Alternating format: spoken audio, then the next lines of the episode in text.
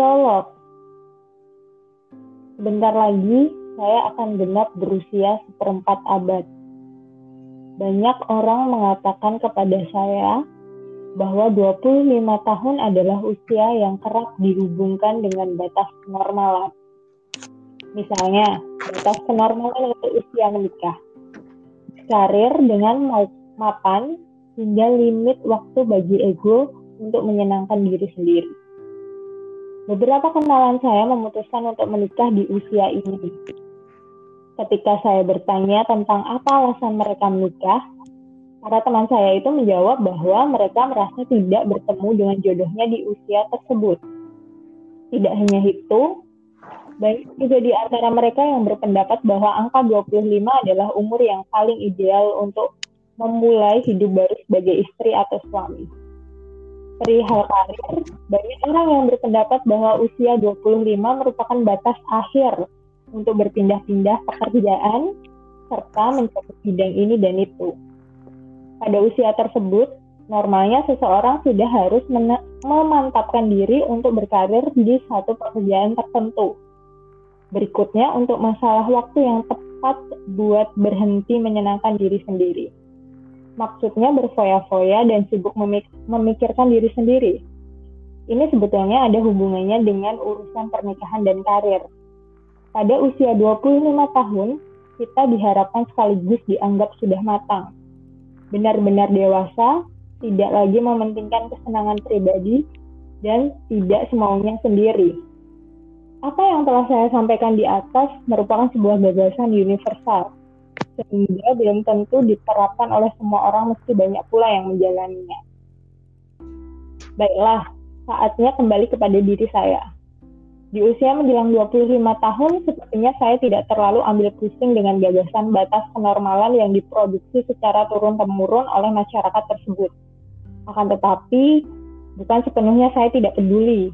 Saya masih tetap mempersiapkan diri buat menghadapi berbagai pertanyaan serta tuntutan tuntutan yang pasti akan datang beberapa saat lagi saat saya betul-betul genap berusia 25. Misalnya, saya sudah siap dengan jawaban tentang pertanyaan seputar pernikahan yang pasti akan diajukan oleh kedua orang tua saya. Selain itu, saya pun sudah mempersiapkan diri untuk bernegosiasi dengan bapak dan ibu saya. Apabila suatu hari mereka nekat menjodohkan putrinya yang malang ini. Omong-omong masalah orang tua, saya begitu mencintai mereka sampai rela melakukan apa saja demi membuat keduanya merasa tentram. Menyadari akan besarnya pengorbanan mereka terhadap hidup saya ini, saya menjadi merasa harus tumbuh sebagai anak yang patuh dan berbakti. Jika ada banyak hal di dunia ini yang dapat membayar tuntas kasih sayang mereka kepada saya, maka akan tebus lewat segala cara lalu saya berikan kepada bapak dan ibu. Di, di sisi lain, sayangnya saya juga sangat kesal dengan orang tua saya atas segala perlakuan yang mereka berikan selama ini. Saya sering dimarahi tanpa alasan yang logis, serta diminta melakukan berbagai hal yang sama sekali tidak ada untungnya bagi saya, namun seolah-olah sangat penting dan mulia di mata mereka sebagai orang tua. Bagai sebuah paradoks hubungan saya dengan bapak dan ibu sangat tidak jelas batas antara benci dan cinta. Saya kerap membawa benci dan cinta itu bersamaan ke hadapan mereka. Berdasarkan ikatan dengan bapak juga ibu, saya dapat menarik kesimpulan jika membenci belum tentu tidak mencintai. Begitu pula sebaliknya. Selamat datang kembali di podcast Tilas Tilaras episode 4. Apa kabar kalian? Bagaimana keadaan seminggu ini? Semoga selalu sehat dan tetap waras ya. Hmm. Episode kali ini diunggah tepat sekali seminggu setelah episode 3 kemarin. Gak biasanya banget kan aku bisa update secepat ini. Ada apa sih? Kenapa sih? Karena uh, episode kali ini sangat beda. Maksudnya beda sama episode-episode sebelumnya episode sebelumnya aku bacain um, bacaan dari Kim So Hyun tentang uh, pengembangan diri gitu ya, motivasi diri gitu. Tapi episode kali ini aku bacain sebuah prolog dari tulisan uh, dari seseorang teman yang ternyata sekarang ini sudah menjadi seorang penulis. Prolog dari bacaan berjudul Insan dan Manusia. Nah, prolog ini atau tulisan ini itu ditulis oleh si Asani Takwim atau Vivi. Aku biasa manggilnya Vivi. Nah, nah Vivi ini adalah teman yang sedang um, atau yang masih berproses menjadi bentuk diri yang lebih baik juga. Dan sekarang Vivi udah hadir di sini menemani aku untuk berbagi cerita tentang perjalanan hidup dia, bisa dibilang perjalanan hidup atau proses untuk menjadi penulis itu sendiri. Dan cerita uh, tentang prolog ini, tentang tulisan-tulisan lainnya. Dia juga habis uh, sebelumnya mungkin tahun lalu kali ya, atau tahun ini dia menerbitkan sebuah buku judulnya Drupadi. Penasaran kan? Kita langsung aja. Please welcome Vivi. Hai. Halo Kania dan juga teman-teman semua pendengar podcastnya Kania. Selamat malam. Selamat malam. Vivi apa kabar? baik, baik, sehat. Ya Allah, Kania makasih banget loh udah diajakin bikin podcast uh, ini. No, aku yang terima kasih Vivi sudah mau ngobrol-ngobrol bareng aku malam ini. Oh iya iya iya. Iya iya. Oh, ya. Mm, gimana gimana? Ini iya Vivi ini adalah teman di perkuliahan juga, cuman kita beda jurusan. Kalau yeah. aku Vivi ini adalah jurusan uh, sastra Korea. Eh sastra Korea, sastra Perancis. Mohon maaf, kenapa Korea? Sastra Perancis sih. Sastra Perancis, yes yes. Iya. Yeah. Hmm, Vivi ini dulunya uh, kayak kenalan sih sebenarnya dari temennya temen hmm. dan secara natural uh, kenal sama aku dan akhirnya ya udah ngobrol-ngobrol berbagi berbagi info sampai sekarang. Itu iya benar. Hubungannya berlanjut sampai sekarang ya walaupun kayak nggak selalu rutin gitu tapi iya. uh, lah. Tapi masih, masih. berhubungan baik lah. Masih berhubungan baik masih ya kadang-kadang kalau misalnya update status atau apa gitu masih balas-balas. Oke, okay, sebelumnya silahkan perkenalkan diri sendiri dulu. Oke, uh, eh, teman-teman perkenalkan nama saya Vivi. Umur saya 24 tahun. Uh, apalagi? Oh ya, saya masih jomblo ya. Kali aja kan ketemu jodoh ya di podcastnya ini. Kali aja nanti ada yang tiba-tiba DM gitu. Oh, sip, sip. Nanti di uh. ini ya dikasihin Instagramnya berarti. Oh iya, uh, iya, iya. Ya, udah sekarang aja ya kalau gitu. Oke, okay, silahkan. Nanti ya. aku tulis aja di deskripsi juga. Oh gitu. Iya, tapi iya. aku nggak apa-apa lah ya sebutin Instagram aku. Okay. Mungkin kalau teman-teman uh, mau mengajak aku diskusi lebih jauh tentang ya apa aja, silahkan menghubungi lewat DM Instagram di @sangatawam ya sangat awam. Ini khusus untuk uh, akun Instagram yang aku bikin khusus buat uh, project-project aku selama ini. Yes, itu uh -huh. di sangat awam ya, at iya, sangat awam. awam. Iya, di situ uh, ada project-project tulisannya Vivi. Mm -mm. Uh, ya. Sejauh ini ya, semua tulis. Ada... Gimana? Sejauh ini ada berapa projectnya? uh, yang udah ke upload itu baru dua ya baru dua tapi kadang aku juga suka sisipin nggak tau kayak aku nulis apa aja gitu pasti masuknya ke situ. Jadi itu memang benar-benar khusus buat writing projectku. Oke. Okay. oke okay, Vivi terus mm -hmm. ini langsung aja kali ya lanjut ya. Iya. Kan dulu dulu nih kalau teman-teman tahu Vivi ini sebelum terjun ke dunia penulisan dia sempat kerja di salah satu perusahaan swasta ya sih ya? Iya iya benar. Di Bali dan aku sempat uh, waktu itu sempat Vivi sempat nanya-nanya soal loker juga.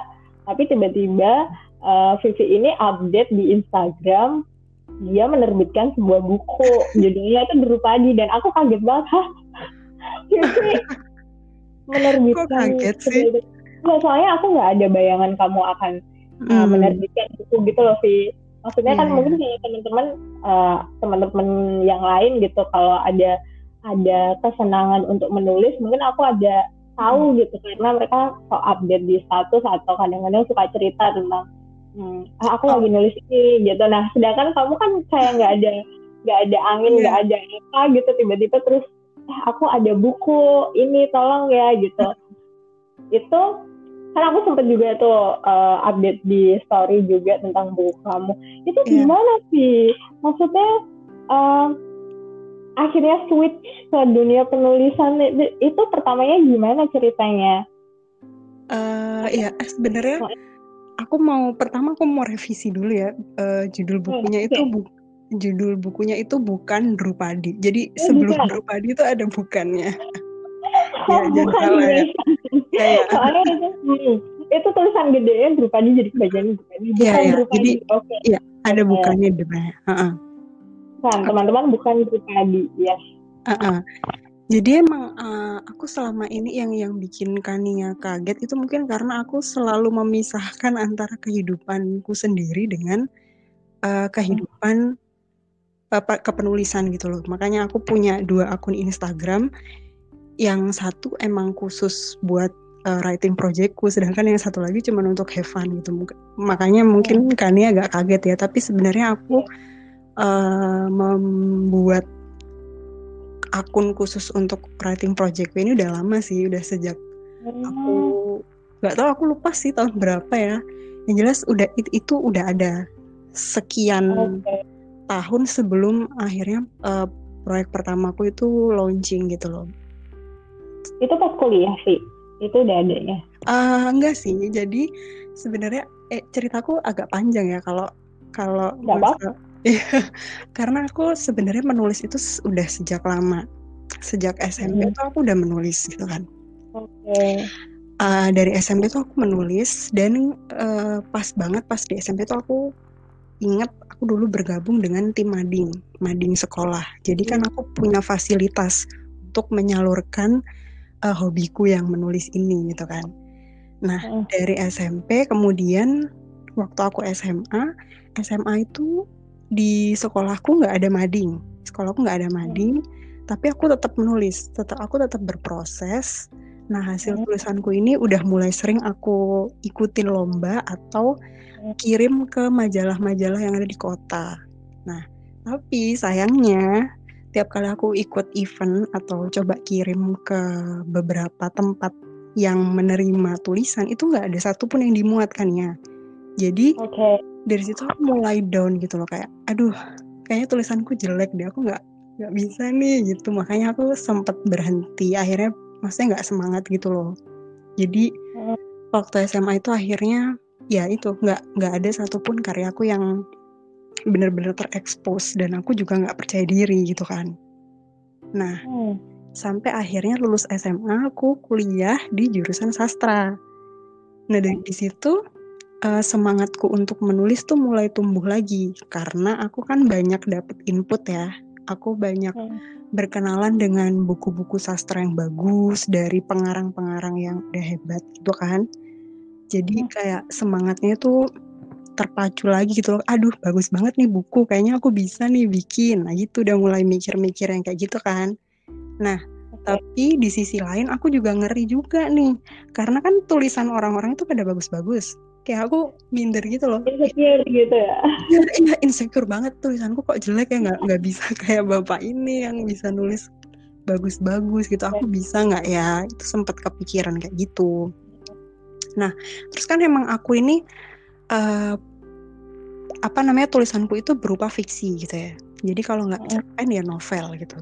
Nah sedangkan di kuliah itu kita kan juga sebagai mahasiswa kan ya pasti mengalami kan. Kalau kita tuh sering banget disuruh nulis ilmiah. Ya oh, kan? ya jelas. Uh, bikin review apa. Review ya betul. Nah dan itu sangat mengganggu. Jadi bukan mengganggu sih maksudnya tuh memecah memecah dua gitu loh. Kayak aku nggak bisa menulis fiksi bersamaan dengan tulisan ilmiah. Itu hasilnya jadi jelek gitu loh kan ya. Oke. Okay. nah makanya ketika aku kuliah itu aku juga akhirnya nggak nggak bisa berkarya karena aku nggak percaya diri masih tetap tuh ke bawah-bawah uh, insecure-nya. Nah baru setelah aku lulus kuliah kan aku kerja tuh. Dan ketika aku bekerja itu kesibukanku itu ya cuman satu itu cuman kerja doang gitu. Sedangkan uh, sebelum-sebelumnya kan kalau ketika kuliah aku masih ikut organisasi atau kumpulan apa gitu. Sedangkan waktu bekerja benar-benar kesibukanku itu cuma satu itu. Jadi tiap pulang kerja aku gabut gitu kan.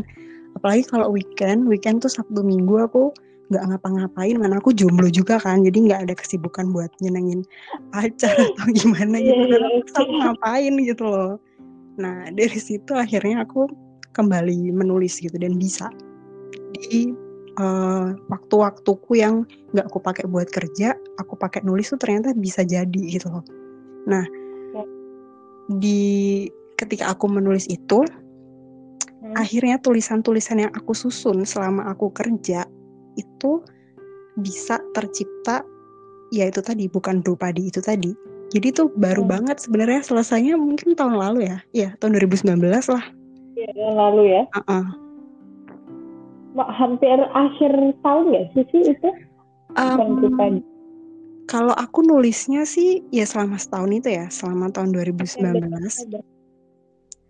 Iya, tapi aku mulai mulai nyoba nyoba buat masukin ke penerbit mau ngirim-ngirim ke penerbit itu baru uh, awal 2020 makanya kan terbitnya akhirnya pas bulan Februari 2020 itu cetakan pertama. yang bukan itu yang bukan grup tadi? Iya. Mm -mm. Oke dan itu kamu sudah resign dari perusahaanmu yang dulu kan ya? Iya iya karena emang aku resign itu akhir tahun 2019 terus ada kesempatan buat merapikan dan mengedit tulisannya yang benar-benar fokus kayak full time nulis itu ya emang setelah resign itu. Hmm oke. Okay. dan dari situ akhirnya mulai dikembangkan branding di apa tadi projectnya sama projectnya Iya iya. Nah di situ aku uh, akhirnya memperkenalkan ini kan maksudnya aku nggak mungkin uh, nulis terus ku biarin gitu kan di laptop ngapain gitu kan pasti ada keinginan manusiawi lah ada keinginan buat pengen nih tulisan uh, harus dibaca sama orang-orang nih paling nggak sama temen lah ya nah dari situ hmm. akhirnya aku uh, serius buat membangun Instagram yang khusus emang buat uh, writing project aku gitu biar banyak yang bisa baca sekilas sekilas tapi kan tetap aja itu udah bisa ada maknanya gitu loh dari dari sepotong-sepotong yang aku upload di IG kayak setiap seminggu sekali atau bahkan mungkin 10 hari sekali tapi itu ya udah jalanin aja rutin gitu. Oh, berarti ini apa? Vivi itu sekarang full time writer. Um, karena sekarang emang kondisinya kita nggak memungkinkan untuk kerja lagi di luar jadi aku so far ya aku lagi menikmati masa-masa full time writer sih yes nikmatilah selama selagi masih bisa dan yeah, yeah, memang keadaannya juga susah kan ya Vi mm -hmm. uh, apa apa apa ya ya kita harus dari rumah gitu ketemu mm -hmm. orang juga susah jadi Vivi dengan project ini semoga bisa yeah. healing untuk temen yang lain gitu ketika baca ceritanya. Apalagi ini fiksi kan? Oh iya iya. Nggak yang mikir berat banget gitu loh bisa direfleksikan kembali. Gitu. iya ya iya. kan? Iya silakan Terus, mampir ya ke sangat awam. awam. Ini bukan Drupadi dan insan dan manusia ini. Uh-uh. itu terinspirasi dari mana sih maksudnya uh. ya dari bukan Drupadi dulu deh itu terinspirasi dari mana yeah. yang itu kalau kalau bukan Drupadi itu kan karena kumpulan cerpen jadi ceritanya banyak gitu ya. Maksudnya nggak nggak cuma satu topik. Ada walaupun ada benang merah tapi semuanya uh, temanya tuh beda-beda gitu. Hmm. Tuh paling sering itu aku sebenarnya uh, ada tiga sih tiga aspek ya. Aku dari yang pertama itu apa yang aku rasakan.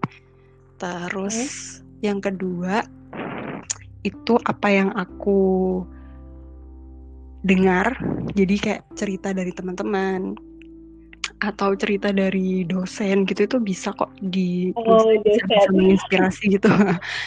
Terus yang ketiga yang terakhir itu adalah uh, dengan melihat. Jadi sekarang tuh aku yeah. mungkin karena udah berproses ya kayak aku nemu hmm. ketemu orang ganteng di jalan aja aku ketemu mas-mas ganteng di pasar aja aku tuh udah bisa bikin kayak satu tulisan kecil gitu loh tentang mas-mas itu kan ya kamu sudah kebayang gitu ya aduh mas ini misalnya jadi apa iya, terus yeah, yeah. Ya, ngobrolnya gimana gitu sudah bisa terbayang iya yeah. nah, ini um, boleh klik dikit nggak soal bukan Dream ID? Ini kan cerita pendek kumpulan cerita pendek. Ya. Itu tokohnya misalnya tokohnya itu apakah perempuan semua atau hmm, atau berbeda? Maksudnya berbeda dari segi pekerjaan profesi. Iya itu uh, garis eh benang merahnya itu memang tentang perempuan. Nah hmm. ini sebenarnya ada hubungannya dengan uh, penerbitku, penerbit yang menerbitkan buku bukan Drupadi ini. Jadi aku boleh cerita dikit ya tentang ini apa namanya proses penerbitan karena kan penulis nggak yeah. cuman sampai nulis tapi dia harus bisa sampai terbit itu karya terbit gitu kan. Jadi uh, aku bekerja sama dengan Stiletto. Stiletto itu salah satu penerbit yang ada di Jogja. Itu aku juga nggak pernah datang ke sana langsung cuman via online aja. Karena kan posisinya waktu itu aku kalau nggak lagi di Bali ya pokoknya nggak di Jogja lah. Kalau nggak lagi di Bali okay. di Surabaya gitu. Uh, dan stiletto ini memang mereka itu concern ke sesuatu yang berhubungan dengan perempuan. Nah kita sebagai penulis juga harus harus pinter milih penerbit gitu loh. Jangan sampai kita nulisnya tentang perempuan tapi kirimnya ke Mizan, di mana itu penerbit buku cerita anak-anak gitu kan. Iya, itu gitu. Ya, jadi kalau teman-teman ada yang apa namanya udah punya karya terus bingung milih penerbit, tolong dipikirkan baik-baik dan cari info sebanyak-banyaknya kayak sekiranya penerbit mana yang yang karakternya itu sama dengan uh, karya kita gitu loh. Jangan sampai salah. Nah, kebetulan di stiletto ini aku merasa pas gitu sama sama uh, karakter kepenulisanku makanya aku kirim karyaku ke sana. Nah, tapi waktu itu karyaku tuh ditolak kan ya. Jadi aku sempat iya, mengalami uh, uh, aku sempat mengalami penolakan gitu. Uh, ketika aku kirim di stiletto itu satu apa namanya nih satu antologi itu kumpulan kan ya ada 12 hmm.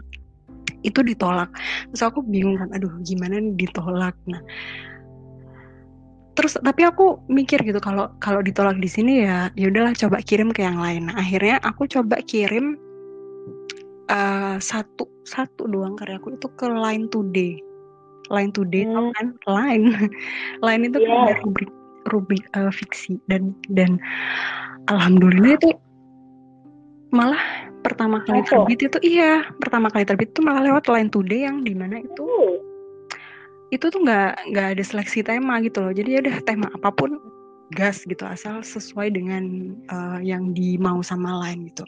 Nah dari situ aku mikir kayak kalau aku bisa di apa namanya keambil sama satu media yang segede lain gitu. Itu berarti karyaku nggak jelek dong. Berarti dia ya.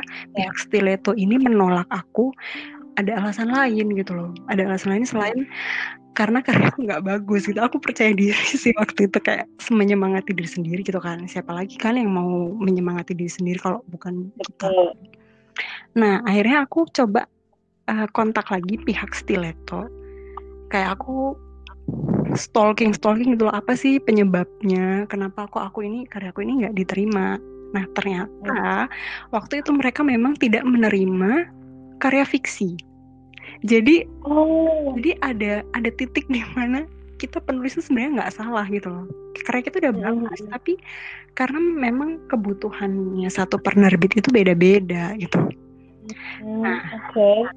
terus si pihak redaksi stiletto itu mereka menawarkan ke aku gimana kalau kamu tetap bukumu ini terbit tapi kamu bayar sendiri biayain sendiri buat uh, ongkos desain cover dan juga layout gitu. Nah akhirnya karena aku emang pengen pengen banget bukuku ini maksudnya aku nggak mau tulisanku ini lagi aku baca untuk diriku sendiri gitu loh. Kayak aku mau banyak yang kamu pengen ke media yang lebih besar yeah. audiens yang lebih besar yeah. gitu kan uh -uh.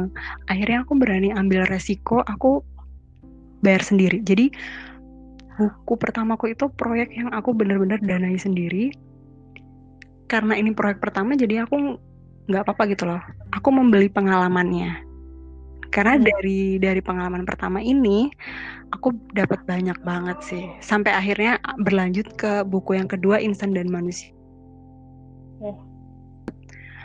uh, ngikut projectnya Greg yes. gitu uh, jadi tadi pertanyaannya hmm. ya jadi tadi pertanyaannya Kania yang berhubungan dengan apa namanya uh, inspirasi itu ya ya ya jadi inspirasinya perempuan karena memang aku perempuan dan semuanya sampai sampai jadi bukan berupa di itu semuanya serba perempuan gitu. Oke jadi ini dari berbagai aspek perempuan yang kamu ambil. Iya. Yang yang di mana perempuan ditempatkan di masyarakat yang kayak gitu ya Via? Iya iya benar benar benar.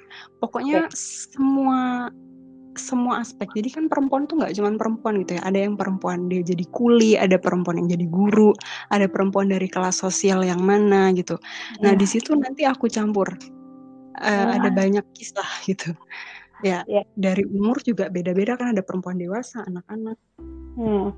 Nah, hmm, dari bukan Drupadi ke insan dan manusia ini berarti beda sekali kan. Kalau bukan berupa dia adalah analogi kumpulan cerpen. Sedangkan insan dan manusia ini kalau aku lihat kayaknya ceritanya nyambung gitu dari bab bab dari pro ya prolog sampai ke epilog. Iya, iya karena itu novel bentuknya. Itu bentuknya. bentuknya ya. Mm -hmm. Dan insan dan manusia ini kamu ngambil inspirasinya dari? Maksudnya cerita ini terbentuk itu dari apa? Kalau aku lihat dari, um, aku sempat baca beberapa, ini kok kayaknya iya. sekali gitu atau gimana? Aduh, kamu hebat sekali bisa menebak dengan benar.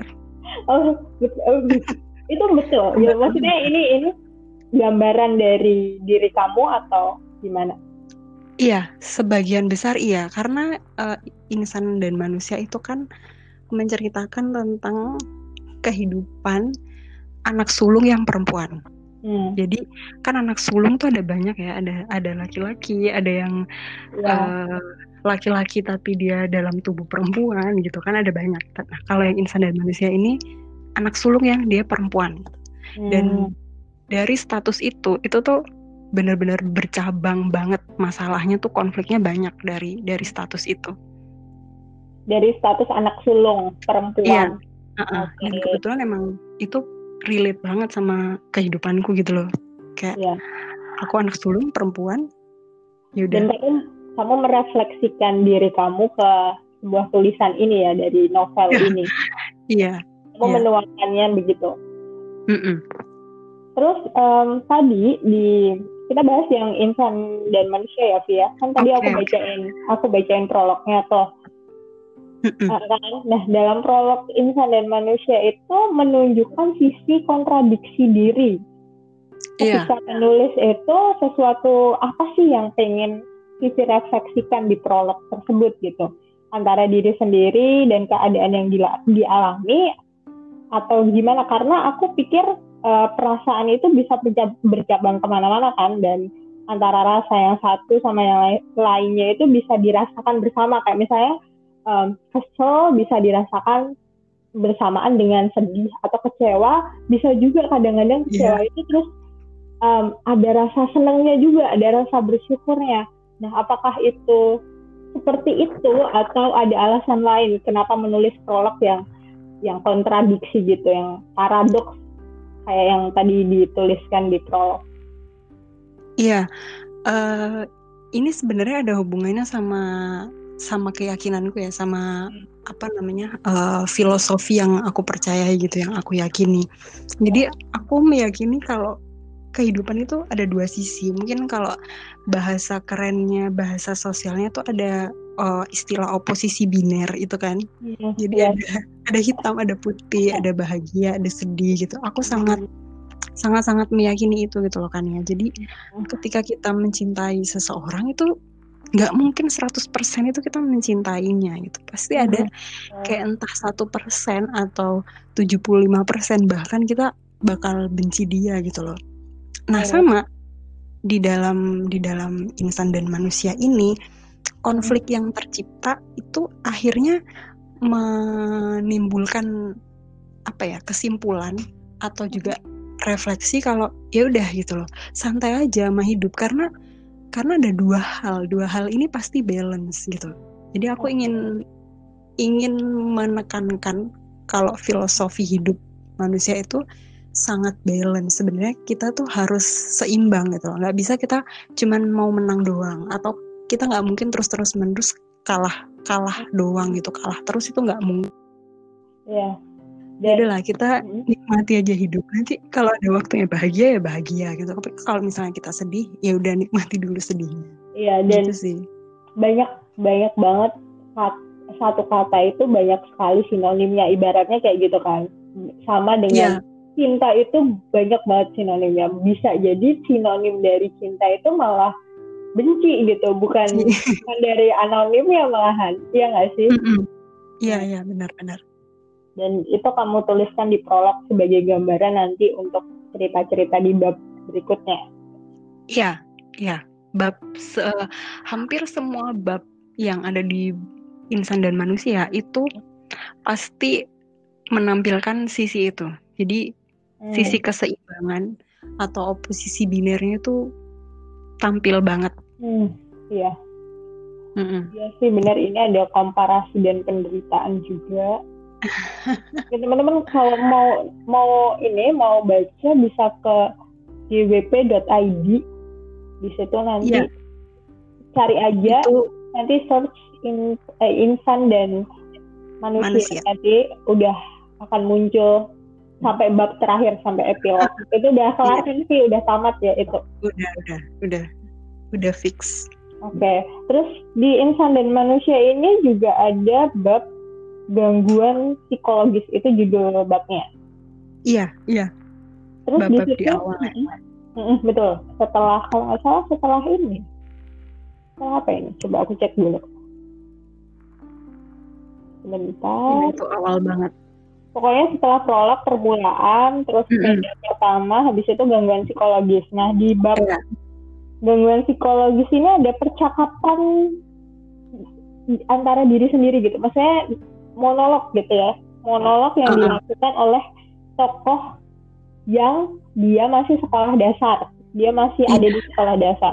Nah monolog itu tuh dilontarkan bahkan sebelum dia menginjak usia dewasa. Mm. Monolognya itu monolog ketakutan, kekhawatiran, mm ya insecure, ingatan yeah. buruk tentang pertama kali masuk sekolah.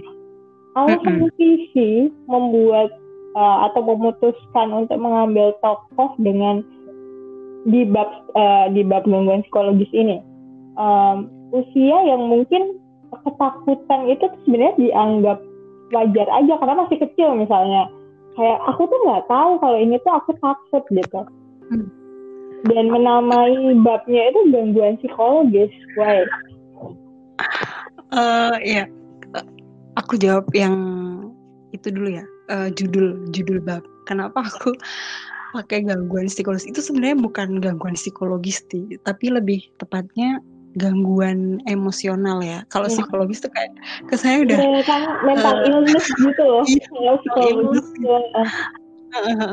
Harusnya emosional itu. Cuman karena emang sebagai uh, yang nulis kita harus bikin judul itu yang bombastis gitu kan. Ya. Makanya aku makanya aku lebay gitu hiperbola. Padahal sebenarnya itu cuman emosional. Anak kecil kan biasa ya kalau dia kayak gitu tuh uh, apa namanya moody hmm. tiba-tiba gini terus tiba-tiba takut tiba-tiba berani lagi nah kan uh, emang konflik konfliknya di insan dan manusia ini konflik keluarga gitu loh hmm. jadi jadi di keluarga ini kan pasti uh, ada orang tua hmm.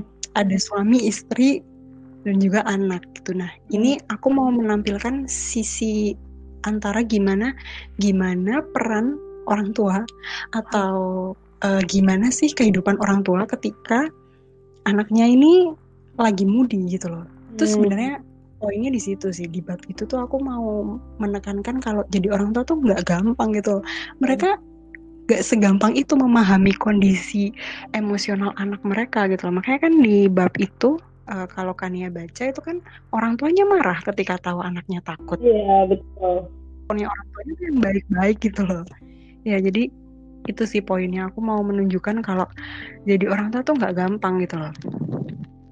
Ya jadi orang tua yang memahami betul anaknya itu nggak gampang nggak gampang karena anaknya juga nggak tahu sebenarnya dia tuh kenapa gitu kan iya iya iya jadi dia cerita juga mau cerita ke orang tua juga bingung kan iya iya, iya. dan sebagai orang tua uh, Vivi mau menyampaikan kalau sebagai orang tua ya kita tuh benar-benar harus mengawasi anak ya mm-hmm. jangan sampai sejengkal kelewat gitu kalau yeah. kelewat kan kita nggak tahu apa-apa yeah. kita nggak tahu ternyata anak itu tuh takut gitu misalnya anak mm -hmm. itu tuh khawatir ketemu orang baru misalnya Taunya yeah. oh ya udah karena karena dia malu misalnya gitu Iya, yeah. dan sebagai orang tua juga harus ngalah, nggak boleh emosian gitu kan. Kalau anaknya emosian, orang tuanya emosian, aduh, buyar dong keluarganya ya.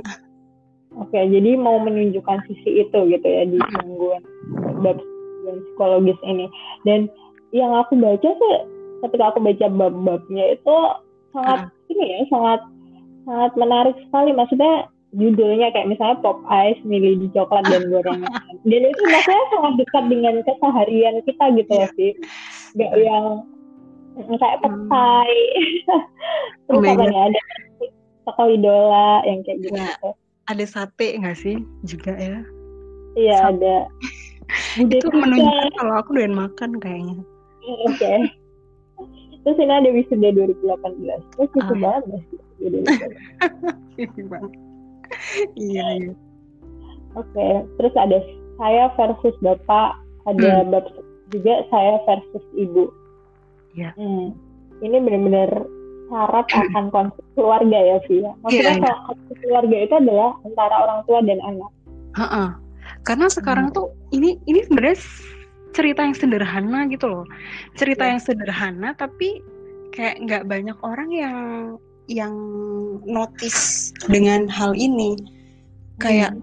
kebanyakan kita kan uh, ceritanya tuh yang yang bener-bener apa ya lebay atau apa tapi kalau insan dan manusia ini aku aku sih harapannya uh, bisa tersampaikan kesederhanaan yang aku bawa di di sini kayak sehari-hari banget gitu loh okay.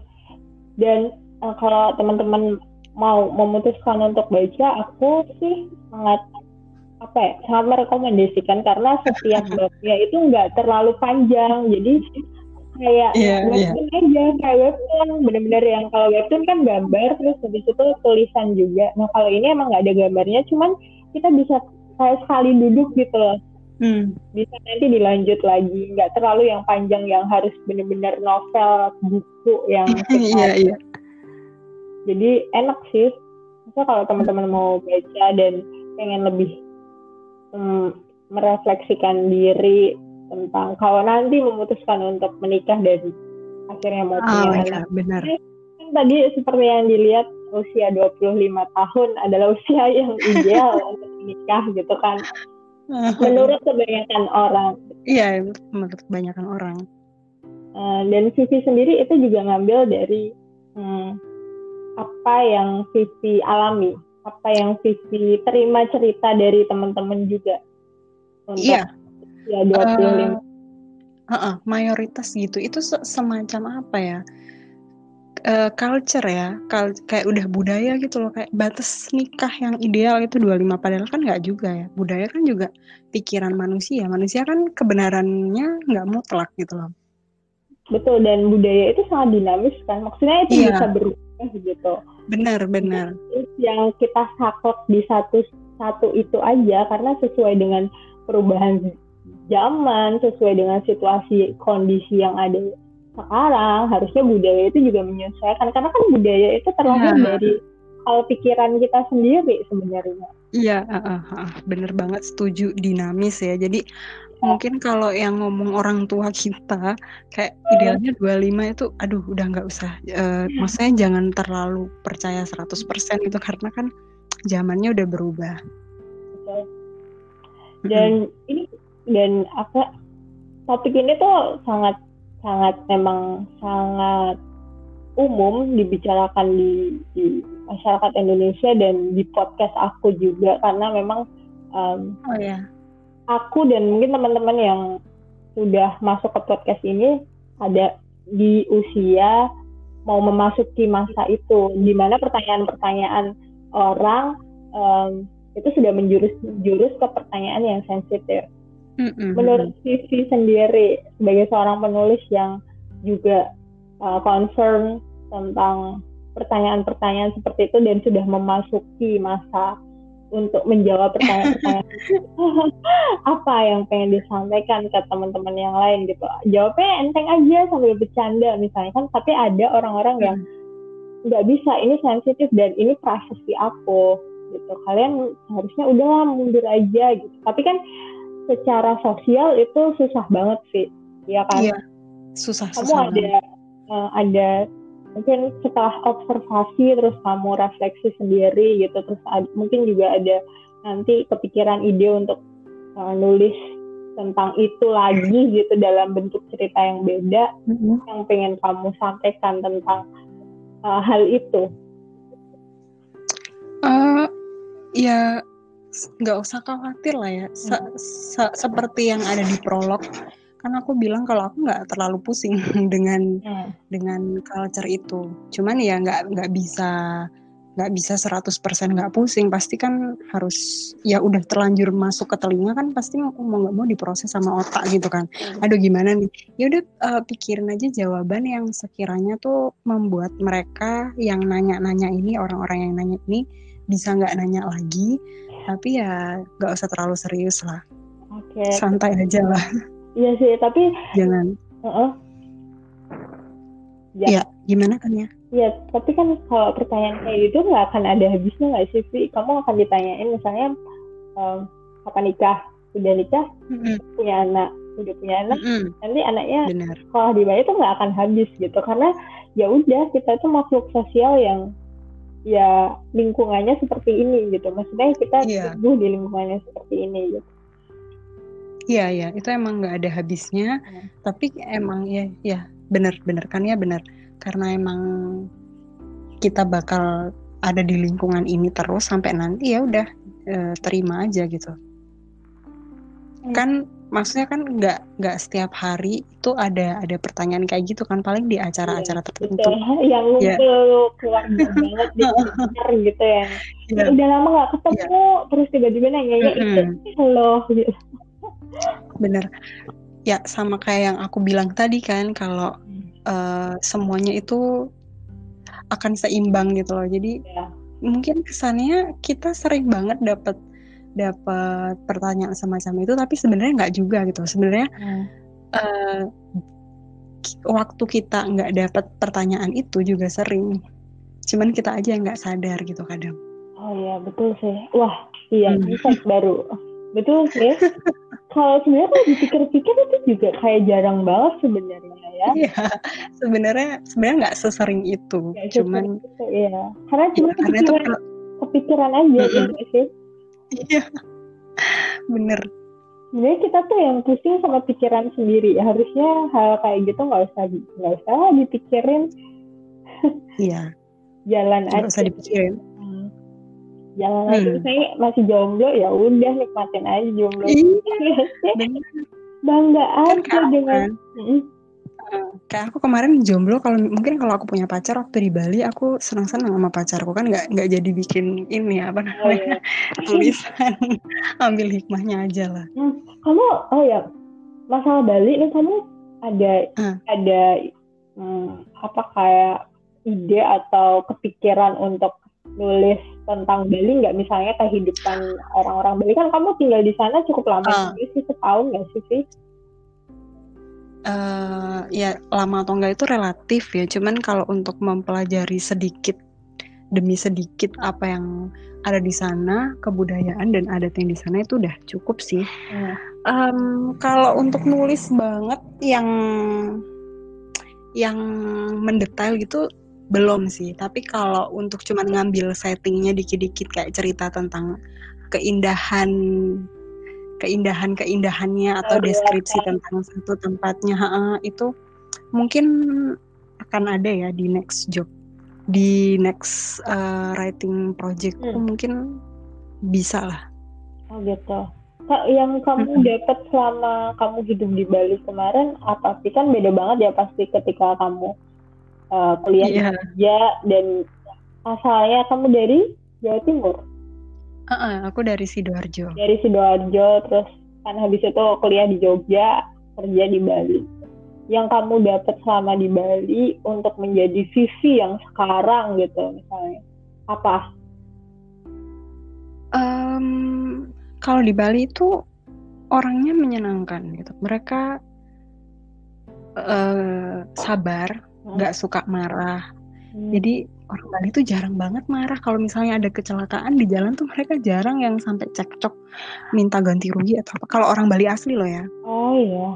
Sih udah beda. Jadi mereka tuh sabar gitu loh. Nggak nggak terlalu mementingkan kehidupan duniawi sih kalau aku lihat. Karena hmm. kehidupannya tuh santai ibadah aja mereka tuh berbuat baik mengabdi hmm. kepada Tuhan, mengabdi kepada alam. Yang aku lihat sih seperti itu dan itu yang patut untuk kita petik ya. Kita ya. contoh kesabaran dan juga keikhlasan orang-orang hmm. Bali. Dan emang sebanyak itu lah seremonial yang ada di Bali? Banyak banget, banyak banget. Ke, uh, apa namanya? Karena aku juga baru tahu kemarin sih waktu uh, apa namanya tinggal di Bali karena setiap aspek itu buat mereka itu penting. Jadi kayak uh, kadang mereka punya hari raya yang khusus untuk mensucikan uh, alat transportasi mereka. Jadi mereka oh. mereka memuliakan kendaraan yang mereka bawa buat berangkat kerja buat ngantar anak sekolah. Terus ada lagi ini uh, mereka memuliakan senjata. Bayangin kan ya senjata itu ada ada ritualnya gitu. Jadi mereka sangat oh, kayak mandi gitu, dimandi iya, iya, iya. Kayak oh. disembayangin, dikasih sesajen gitu. Iya, iya, iya. Sedetail itu. Pohon aja juga gitu kan yang iya. dianggap sih. Iya. Mereka bisa gitu kan. Mm-mm. Dikasih sarung itu itu namanya kain itu ya. Ya pokoknya mereka menganggap semua aspek itu penting. Kalau dari apa yang aku lihat sih gitu. Jadi benar-benar semua aspek kehidupan itu ya, ya yang menjadikan hidup mereka ada gitu kan? Kan nggak cuman manusia gitu loh. Hmm. kalau di sini mungkin uh, di di kota-kota yang sebelum-sebelumnya aku ini kayak di sidoarjo di Jogja juga kayaknya kan nggak ada ya kayak gitu yang ngapain yeah. nyembayangin apa namanya uh, kendaraan? Tapi kalau orang-orang Bali mereka juga sangat menghormati benda-benda itu benda-benda di sekitar mereka itu. Itu juga apa itu berhubungan sama religius religiusnya mereka? Sama uh, setahu aku atau... sih oh oke. Okay. ya. Iya jadi itu uh, masuk kayak hari raya mereka bilangnya hari hari besar lah. Hmm. hari besar keagamaan. Yang sampai sampai apa? Menyembah apa sih? Yang iya ya mensucikan atau memuliakan itu tadi. Kendaraan kendaraan itu juga termasuk senjata. hari hari besar untuk mereka berarti ada iya, iya. ada satu hari yang dikhususkan untuk itu ya iya betul oh. ada satu hari yang khusus makanya banyak banget uh, seremoni di sana ya memang karena banyak keperluannya banyak hmm. ya jadi tuh kayak aku teringat aja tadi waktu hmm. lagi, istirahat gitu di mungkin aku hmm, buka-buka YouTube gitu ya terus nyari nggak tahu kenapa tiba-tiba kepikiran tarik kecak aja tarik kecak ya kan? Yang dari Bali itu aku nonton. Dan aduh kayaknya pengen banget setelah pandemi ini kelar tuh pengen ke sana untuk ngeliat pengen ke Bali. Karena hmm. ngeliat uh, uh, ngeliat di YouTube aja tuh kayak udah ini banget loh. Kayak kayak hmm. nyata banget gitu loh itu yang tadi kecak itu yang dia Hanuman obong itu kan. Itu kayak seru banget. Terus oh yeah. ya kan? Terus aku, aku mikir oh ya Vivi kan pernah tinggal di sana nanti nanya ah ya kayak kayak gitu sih oh. ya semoga aja nanti pandeminya cepat berakhir biarkannya bisa segera ke Bali yeah. oh dulu sempet sih ke Bali sekali iya. cuman nggak yang dalam banget gitu loh sih maksudnya nggak yang menikmati dalam sekali karena cuma tiga hari gitu ya oh. udah cuma lihat-lihat shopping yeah, yeah. kelar gitu nggak yang nggak tenang untuk merasakan apa sih yang orang-orang Bali rasakan. Iya. Hmm. Terus um, balik lagi ke buku ya sebagai mm -hmm. penulis gitu. Sisi pengen menyampaikan apa ke ke pendengar podcast sama pembaca tulisan Sisi nanti? Apa sih yang pengen ditawarkan Sisi dari tulisan-tulisan Sisi ini gitu? Iya uh, untuk teman-teman yang sekarang lagi mendengar podcast ini, sebenarnya saya mau ini aja sih menyemangati. Mungkin ada teman-teman yang ingin juga menjadi penulis dan baru memulai apa namanya uh, usahanya untuk untuk menerbitkan buku atau menulis karya. Yang penting pokoknya itu jangan berhenti di tengah jalan ya. Kalau misalnya capek ya udah istirahat dulu. Hmm. uh, cari referensi tapi jangan sampai berhenti karena karena menurut saya dan berdasarkan pengalaman saya karya itu pasti jadi kalau dikerjakan gitu kan. Hmm. jadi jangan sampai jangan sampai nggak digarap itu. Kalau misalnya udah ada ide ya udah tulis aja. Kalau tiba-tiba macet di tengah cari jalan biar uh, itu nggak macet lagi gitu loh. Yang yang penting karya itu jadi dan terbangun. Dan karya itu bisa jadi kalau dikerjakan. Yes, kita harus ditulis gitu ya biar selesai. Iya. Nggak cuman ngurung ide aja, oh aku ada ide, mm. tapi nggak dikerja-kerjakan. Betul. Iya. Itu sama maksud aku terima kasih sudah diingatkan sih. Waduh. Ya, kita nggak cuma iya, nulis iya. doang, apa pun pekerjaannya. Oh, ya. Iya, apa pun ya. Iya, apa pun sih itu. Iya. Terus juga ada ini nggak? Ada penulis yang sangat Vivi Segani dan one day aku oh ada dong siapa siapa sih Uh, aku sangat mengidolakan Pak Sapardi Djoko Damono yang kemarin baru oh, bulan lalu baru meninggal. Iya. Beliau itu mm -mm, beliau salah satu penulis hebat sih menurutku di Indonesia. Ya. Terus aku juga suka lagi mungkin kalau Kania kenal kayaknya dulu beliau kuliah di UGM juga yang namanya YB Mangun Wijoyo yang oh. nulis buku burung-burung manyar itu bagus banget bukunya. Oh, aku tahu burung-burung manyar. Iya, iya, iya. Iya. itu aku bagus. Selalu memperhatikan siapa penulis. Hmm. Oh, wah kejem banget.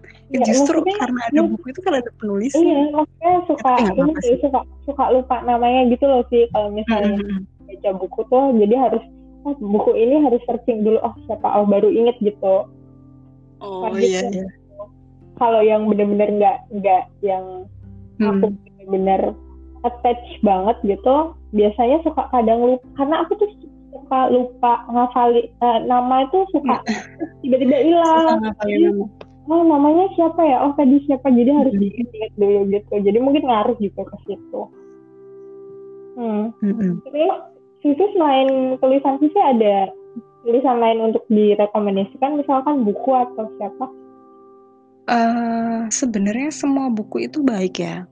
Hmm. Cuman kalau saranku akan lebih baik lagi kalau kita memilih untuk membaca buku yang sekiranya nggak cuman bikin kita have fun, tapi hmm. kita bisa lebih jauh untuk memetik apa yang ada di buku itu gitu. Jadi ya. Buku-buku yeah. yang banyak mengandung apa ya uh, kebijakan atau filosofi tentang kehidupan gitu kan itu kan bisa bermanfaat buat hidup nggak cuman yang kayak cerita-cerita menjelang tidur atau yang bikin yeah, yeah. Uh, semangat mood gitu tapi yang benar-benar ada banyak pesan di buku itu tuh kayaknya lebih bermanfaat dan yang yang kita tadi yang nggak tahu bisa jadi tahu gitu iya iya yang semacam itu juga jadi bisa membuka pikiran kita kembali oh ternyata kita, uh. kita mikirnya terlalu sempit ya setelah yeah. baca ternyata begini toh gitu kan mm -hmm. ya uh, terus yeah. sekarang Sisa lagi baca apa anyways uh, aku sekarang lagi baca ini sih buku agak filsafat sih karena aku juga lumayan tertarik dengan dunia filsafat. Aku baca bukunya MH Ainun Najib atau Cak Nun yang judulnya Marquesot itu lama banget aku baca nggak kelar-kelar karena agak susah dipahami. Oh ya, itu bisa jadi kamu juga nggak akan cuma sekali baca kali ya untuk memahami yeah. semuanya karena lupa. berkali-kali apalagi itu filsafat ya itu kan agak berat kayak udah, dunia sofi Saya udah lupa. Hmm. itu dunia sofi kamu uh, nggak sih aku belum baca kamu belum baca aku aku, aku, juga, juga, tahu tapi belum baca aku juga baru baca beberapa halaman karena itu tebal sekali dan itu nggak mungkin kayak aku nggak mungkin langsung paham gitu loh cuman itu katanya hmm. uh, salah satu buku filsafat yang ringan untuk dibaca kalau teman-teman mau baca mm -hmm. jadi kalau pengen okay. baru pengen masuk ke dunia filsafat gitu uh, mm -hmm. biasanya direkomendasikan untuk baca itu dulu karena wow. itu iya karena itu katanya paling ringan gitu sih Oh, terima kasih ya infonya. Besok aku mau baca itu. Oke, oke. Okay, okay. Terus ya, dan aku juga sedang baca hmm, ini Sunyi di dari Semirah. Itu dari Mojok. Itu uh, terbitan Mojok. Mm -hmm. Itu cerita tentang tiga generasi perempuan. Um, ibunya ini adalah seorang pelacur. Terus anaknya, yeah. anaknya namanya Sunyi mm-hmm. sama neneknya si Sun, ya neneknya dari si Sunyi ini. Jadi menceritakan tiga kehidupan itu, yang di mana anak mm. tentang bebannya dia ketika tahu kalau misalnya ibunya adalah seorang pelacur, yang ibunya pelacur itu menikmati hidupnya, tapi bebannya ke anaknya gitu. Jadi itu kayak uh, uh, kayak berkesinambungan, berkesinambungan gitu. Cuman nanti yeah, yeah aku belum selesai sih belum sampai sampai kelar gitu bacanya baru baru sampai setengah tapi itu uh, itu juga tentang kehidupan perempuan yang sangat keras dengan stigma stigma sosial yang hmm. kita, padahal si ibu ini ya dia masuk ke situ bukan karena kemauannya satu yeah. keadaan juga karena ekonomi juga dan uh, dia dia kayak ditinggal jadi sebatang kara nggak tahu apa-apa tiba-tiba dimasukin ke situ sama orang jahat gitu. Bisa dibilang orang hmm. jahat gitu. Ya udah terus setelah itu uh, kan itu kerja ya maksudnya dia kerja gitu tapi ya tentang stigma-stigma sosial yang hmm, akhirnya bikin bikin dia jadi kayak punya dua sisi gitu loh sih dia harus kuat di hadapan anaknya hmm dia dia harus bilang nggak apa-apa. Ini tuh ini tuh aku cari cari uang gitu. Cuman eh, di dalam dirinya sendiri padahal dia menyangkal untuk untuk jadi kayak gitu. Nah itu oh, sih okay. nah, konfliknya kayak gitu gitu itu yang aku baca. Yeah. uh, terus apa lagi ya? Oh iya. Sekarang lagi proyek apa Vivi? Kayaknya sedang sibuk sama pemanis. Ada proyek juga sama teman kita yang satu Rio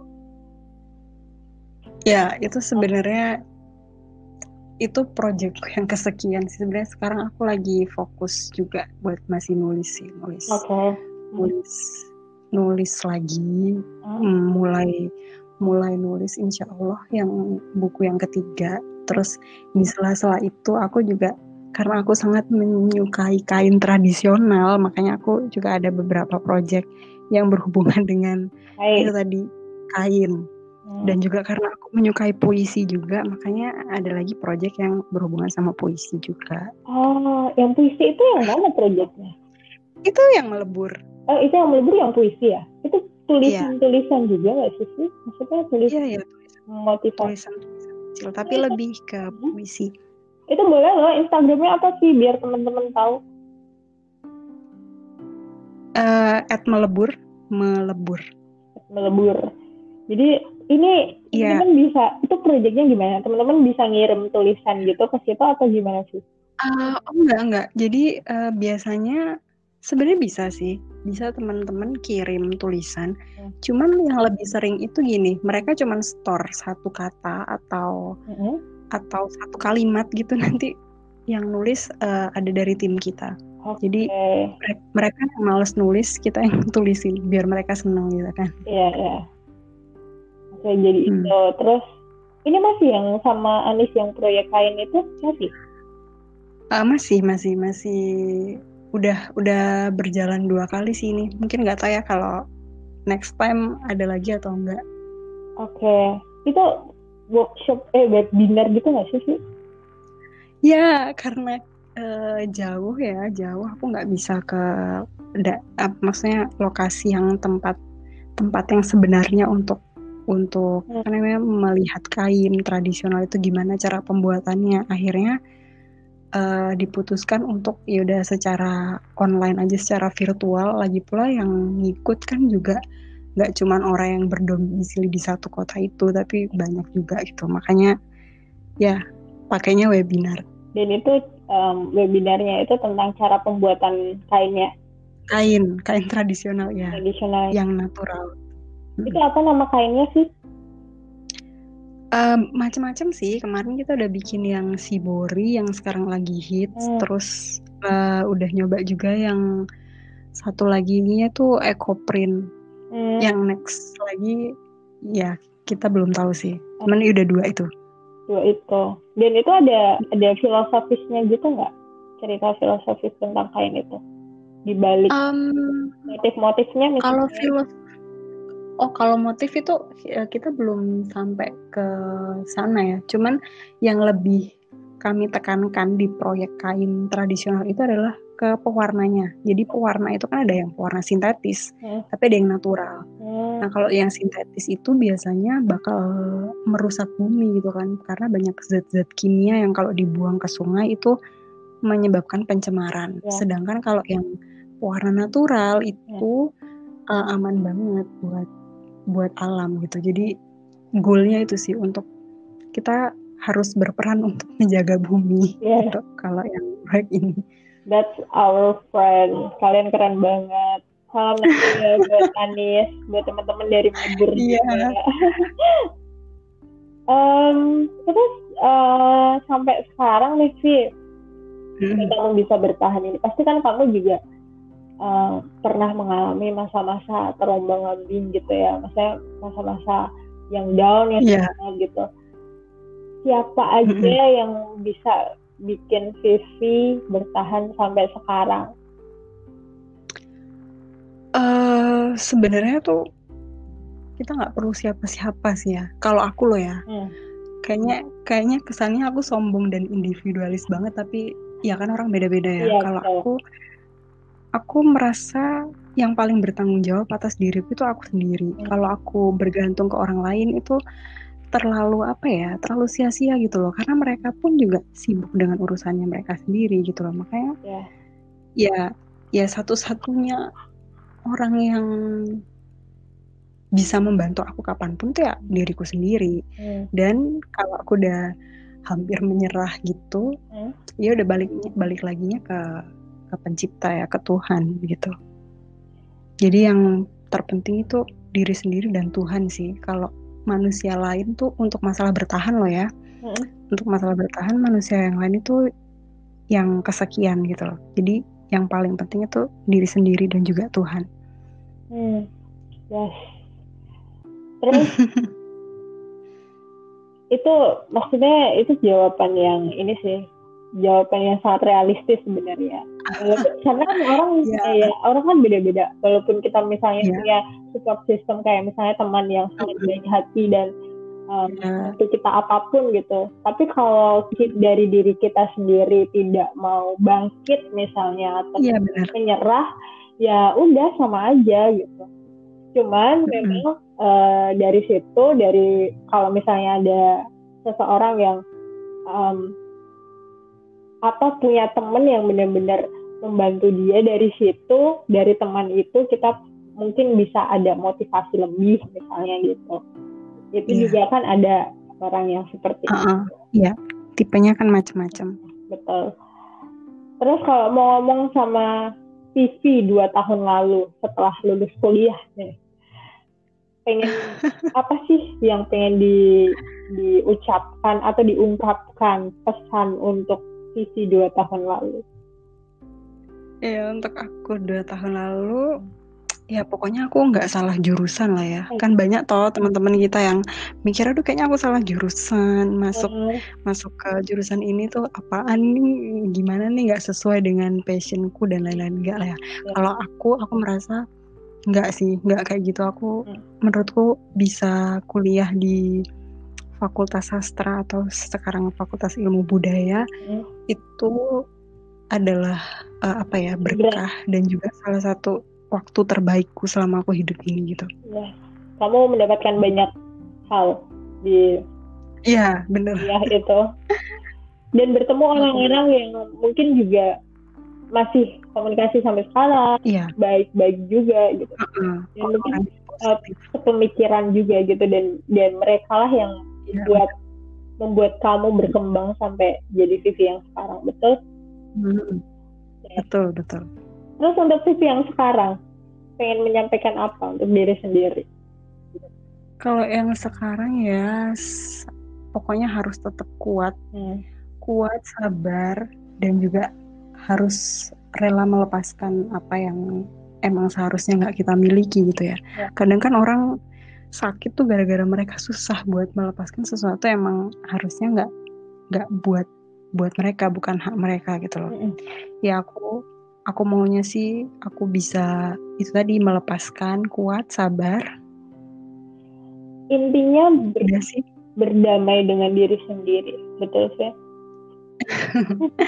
ya harus lah ya damai damai terus mm -hmm.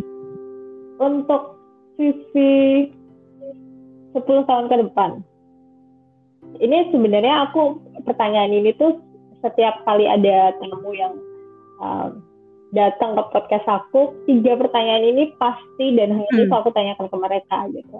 Oh gitu ya? Iya, yang dua tahun atau setahun yang lalu kamu pengen ngomong apa? Yang sekarang kamu pengen ngomong apa ke hmm. kamu?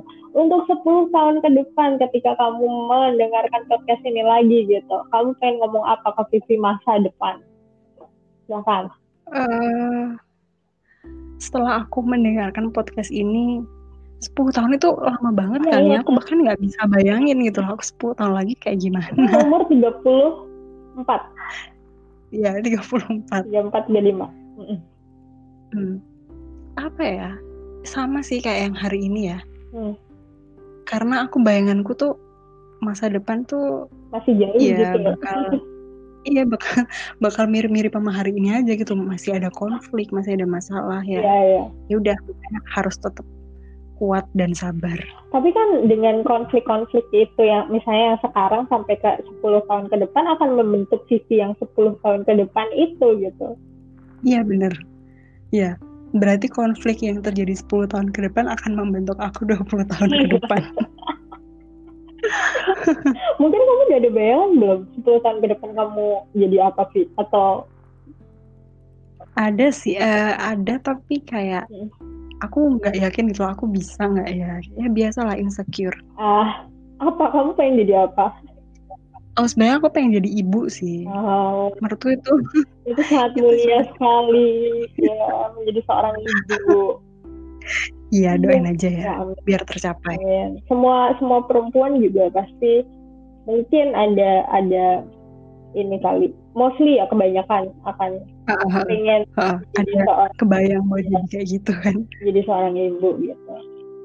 Ya hmm. mungkin kalau sekarang sih kayaknya um, untuk kita misalnya aku atau kamu gitu kadang belum belum ke, belum ini juga belum kepikiran sejauh itu gitu cuman kan yeah. ada teman-teman yang yang sudah menikah yang terus aku tadi lihat soalnya story temanku anak kantor hmm. juga itu dia story ini story USJ-nya dia jadi dia akan punya baby gitu loh itu kan hmm. ya ampun time flies kayak waktu cepet banget ya ternyata ada yang sudah iya iya jadi seorang ibu wow Ya, terus sekarang yeah. sih di Sidoarjo berarti ya? Iya, aku sekarang di Sidoarjo. Mm -hmm. Oke. Okay ya, menghabiskan waktu bersama keluarga berarti. Uh -uh. Full time ini sama keluarga terus sekarang nggak bisa ke mana-mana kan kondisi di sidoarjo juga bahaya banget tiap hari banyak yang sakit hmm. ya kan pandeminya lumayan serem sekali di sini oh gitu sidoarjo. Oh tapi yeah. tapi ya udah iya sih Jawa Timur tuh kayaknya banyak banget ya sih ya? Iya. Iya banyak. Tapi nggak mencekam gitu kan keadaannya masa orang-orang juga masih um, kalau atau enggak kalau sekarang sih udah mulai udah mulai menurun sih ya hmm. uh, mencekam. Kemarin-kemarin itu kayak sekitar satu atau dua bulan lalu itu tetangga sebelah rumahku pas itu positif suami ya istri dan mereka sampai dibawa ke rumah sakit gitu kan. Uh itu benar-benar yang kayak sepi banget di rumah tuh nggak nggak ada iya. nggak ada yang lewat nggak ada yang sih gila aja tuh tetangga gitu kan pasti lockdown yeah satu misalnya kompleks atau desa gitu kan langsung aduh pasti pada takut semua kan juga iya itu bener-bener tetangga pas hmm. rumahnya cuma jarak 3 meter sama aku ya ampun jaga diri baik-baik sih jaga iya juga ya semoga sehat hmm. selalu jangan lupa minum vitamin juga ya iya Aduh baik banget sih ngingetinnya ya Allah. Ya ampun, aku romantis ya enggak. Oke, Vivi tadi pertanyaan terakhir sudah selesai. Aku berharap uh, proyek-proyeknya Vivi ke depan bisa segera terwujud, lancar. Semua harapan-harapannya Vivi juga segera dikabulkan sama Tuhan. Terus, Amin. Um, pokoknya apa pun yang Vivi ambil nanti ke depannya, semoga itu bisa jadi sebuah pilihan terbaik yang pernah Vivi lakukan gitu kan. You you are doing great job sampai sekarang Vivi jadi orang hebat, stay strong, stay healthy. Terima kasih sudah datang ke podcast aku, berbagi cerita, berbagi pengalaman untuk teman-teman yang sekarang sedang mendengarkan ini. Terima kasih Vivi. Terima kasih juga kan ya. Yeah. Semoga sehat selalu, bahagia selalu. Amin. Amin. Thank you, dadah. Dadah. Yes.